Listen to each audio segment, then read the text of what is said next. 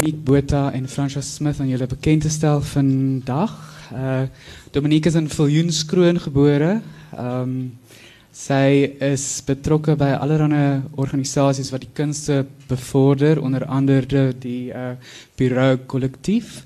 Sy het 'n meestersgraad by Wits in kreatiewe skryfkunde en um hierdie manuskrip is dan 'n deel van haar M wat sy daar ontwikkel het. Um Fransja Smith is sekerlik ons beste redakteur wat ons het in Afrikaans. Um, hy het baie nou saam met Dominique aan haar boek gewerk.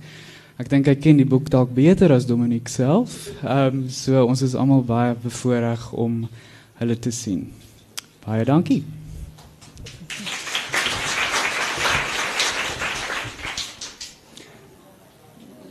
Ek ken die boek wel, ehm um, Dominique, maar en ek het hom voor uh, die boek geken voordat ek jou geken het. Wat my betref, het jy eintlik so stil soos 'n duikboot van onderaf gekom en toe die Afrikaanse, wel, die Suid-Afrikaanse literêre wêreld met geweldige torpedo's getref. Van waar gaas hy? Van waar kom hierdie skrywer eintlik en die skryfding? Maar Frans, jy het dan nie die boek gelees nie.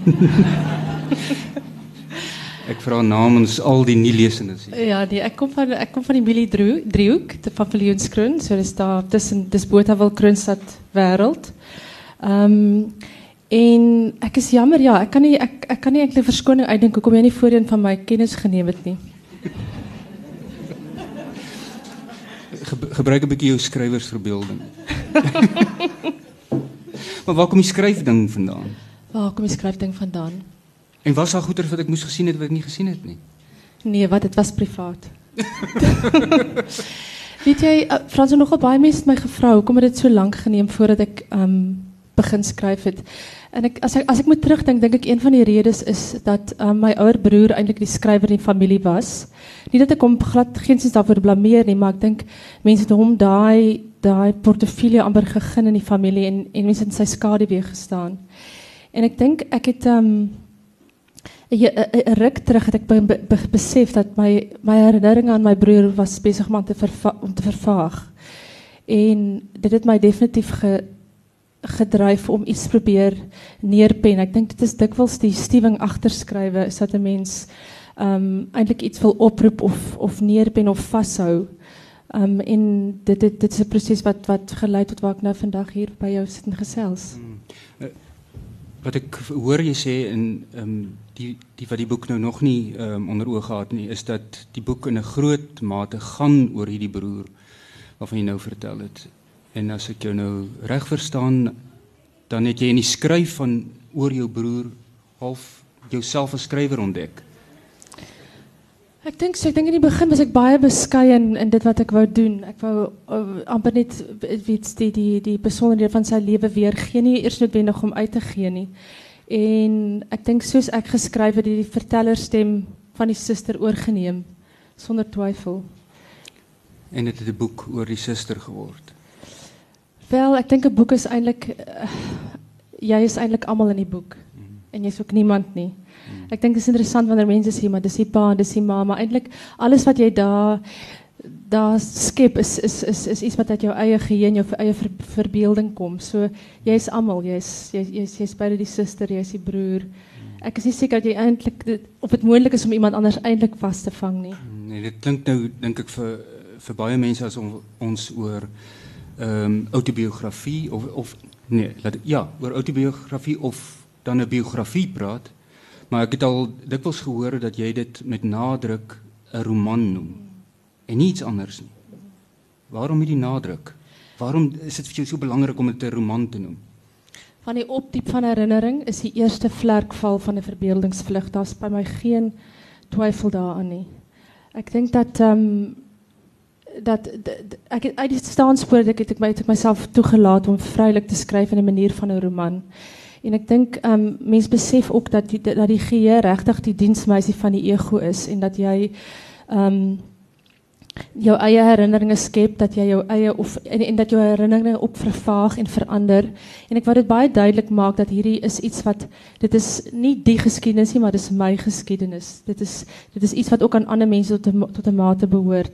So ek dink daar's geen ehm um, vaste skeiding tussen fiksie en nie fiksie nie. Dis in elk geval um, eintlik maar net iets wat wat belangrik is vir ek weet nie mense wat in biblioteke werk of of boekwinkels het want jy moet iets jy moet weet waar om dit op die rakke te sit. So ek dink daai daai verskil tussen fiksie en nie fiksie tussen roman en memoir is nie so beduidend as wat dit voorkom nie. Het hulle eerder mekaar nodig sou jy sê as jy byvoorbeeld jou dit dit ten doel sou stel om iets te skryf, iets op te teken wat jou broer waardig sou wees. Het jy gevoel dan het jy fiksie nodig? nie soseer nie fiksie nie. Is dit wat jy vir my sê? Eintlik as ek nou eerlik moet wees, vir, wie was jy want dit was jou idee om 'n roman te noem.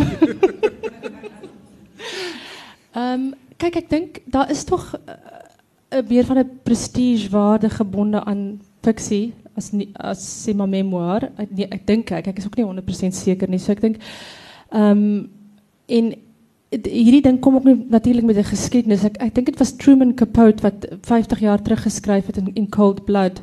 En hy het gesê baie mense het hom gesê, "Hoekom skryf jy nou so 'n boek? Het jy nou jy weet het jou idees opgeraak?"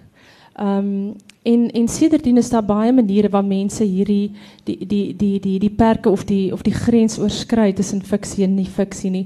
So ek voel amper dit is iets dis eintlik 'n dis eintlik 'n ronddansery. Wat, wat wat is die vraag eintlik? Die mense wil weet is dit die waarheid? Maar jy weet daar's 'n daar's 'n gegeewe mens word amper gedompel in hierdie vertelling van eendag lank lank gelede dan word 'n memoir of 'n boek alles word in elk geval vir jou 'n storie. So um, ek dink net dit is ek ek het nie spesifiek ek het name verander, ek het um, van die name verander, ek het gebeure wat uh, saamgeflans karakters. Daar's baie dinge wat nie absoluut getrou bly aan dit wat ek noodwendig onthou nie. So ek dink ek kon ek kon dit nie eintlik enigiets anders as 'n roman genoem het nie. Van die resensente ehm um, is getref, dikwels het ek agterkom is getref deur die ehm um, poëtiese aard van jou prosa jou prosa dikwels grens grens aan poesie. En uiteindelik aan die aan die slot van jou roman word dit ook poesie. So al as 'n mens 'n idee kry, ja, as jy as jy die waarheid of wat ook al jy probeer regkry met jou skryfwerk, ten doel doen stel, ten doel stel, dan is die laaste paar tree wat jy moet gee die poesie. Dit is dis die verste wat jy kan kom. Wel, is poesie fiksie of nie fiksie? Ja, dis 'n diep vraag wat jy daar aanraak. Want ek dink dat ehm um, prosa uh is iets wat eintlik vleis om hom nodig het. Dit is daar's ruimte binne 'n vertelling van prosa. Ehm um, wat dit moontlik maak vir 'n leser om om um, die gebeure te kan kontekstualiseer. Ek dink amper daar is dat dit is 'n dis 'n uitbou van van die gedeelde op baie maniere. Ons het hierdie behoefte om ons stories te vertel. Ons in ons vertel ons stories weer en weer. Ehm um, met die poesie is daar meer van 'n vervreemding of 'n vervreemdende gebruik van die taal wat amper nader aan 'n aan 'n inkantasie is, nê, nee, aan 'n aan 'n beswering. En ek dink dis reg aan die einde, dit is amper dit wat die naaste aan die rou lê of aan die onderbewussyn. En dit is dit was amper die enigste manier om dit te verwoord. Ja, ek wil net nou 'n bietjie terugkom na, na jou opmerking oor die verband tussen skryf en rou. Ehm, uh, maar laat ek jou eers vra, ehm um, wat is jou natuurlike instink, prosa of poesie?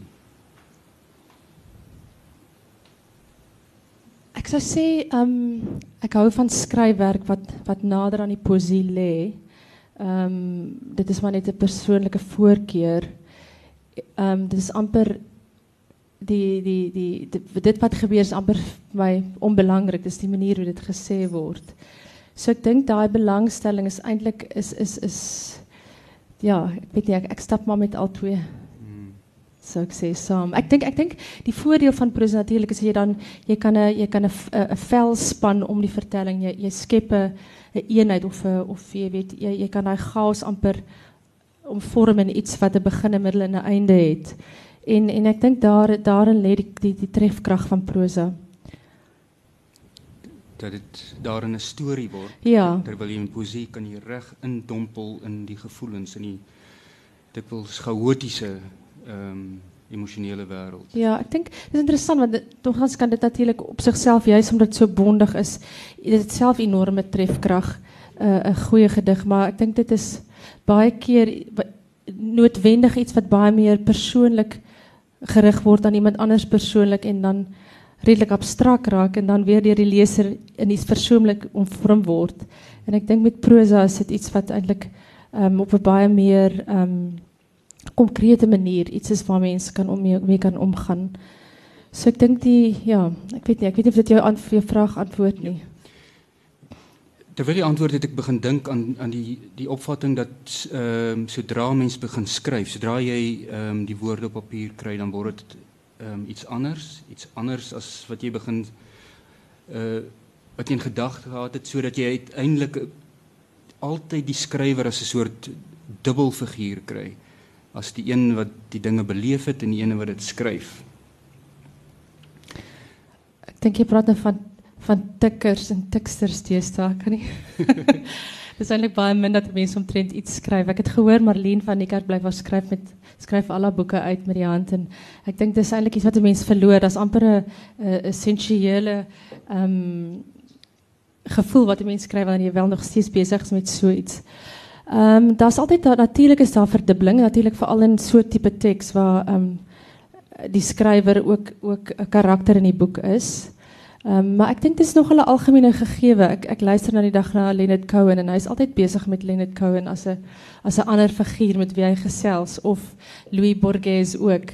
Hy het so 'n oulike kort storie waar hy sê hier is hierdie ou nou en hy's eintlik kom in sy pad en hy's 'n pes en ehm um, so ek dink ek dink wat wat natuurlik wat wonderlik is dat jy dan jy jy, jy gaan om met jouself of met jou onderbewussyn op 'n meer op 'n op 'n direkte manier. Ek dink dit is deel van die handeling van skryf. Dit is amper asof jy 'n 'n ou solder vertrek ontdek wat jy waar jy dinge lank lag lank terug al geberg het en skielik ontdek jy dit weer en dit het dit het omvorm, dit het verander.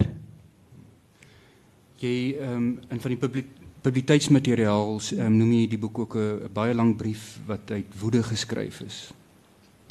Hmm.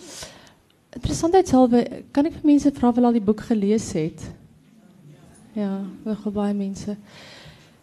Uh, want ek het gedink miskien 'n stukkie voor te lees, maar ons kan 'n bietjie later daaroor praat. Ehm um, ek dink dit is natuurlik 'n roman.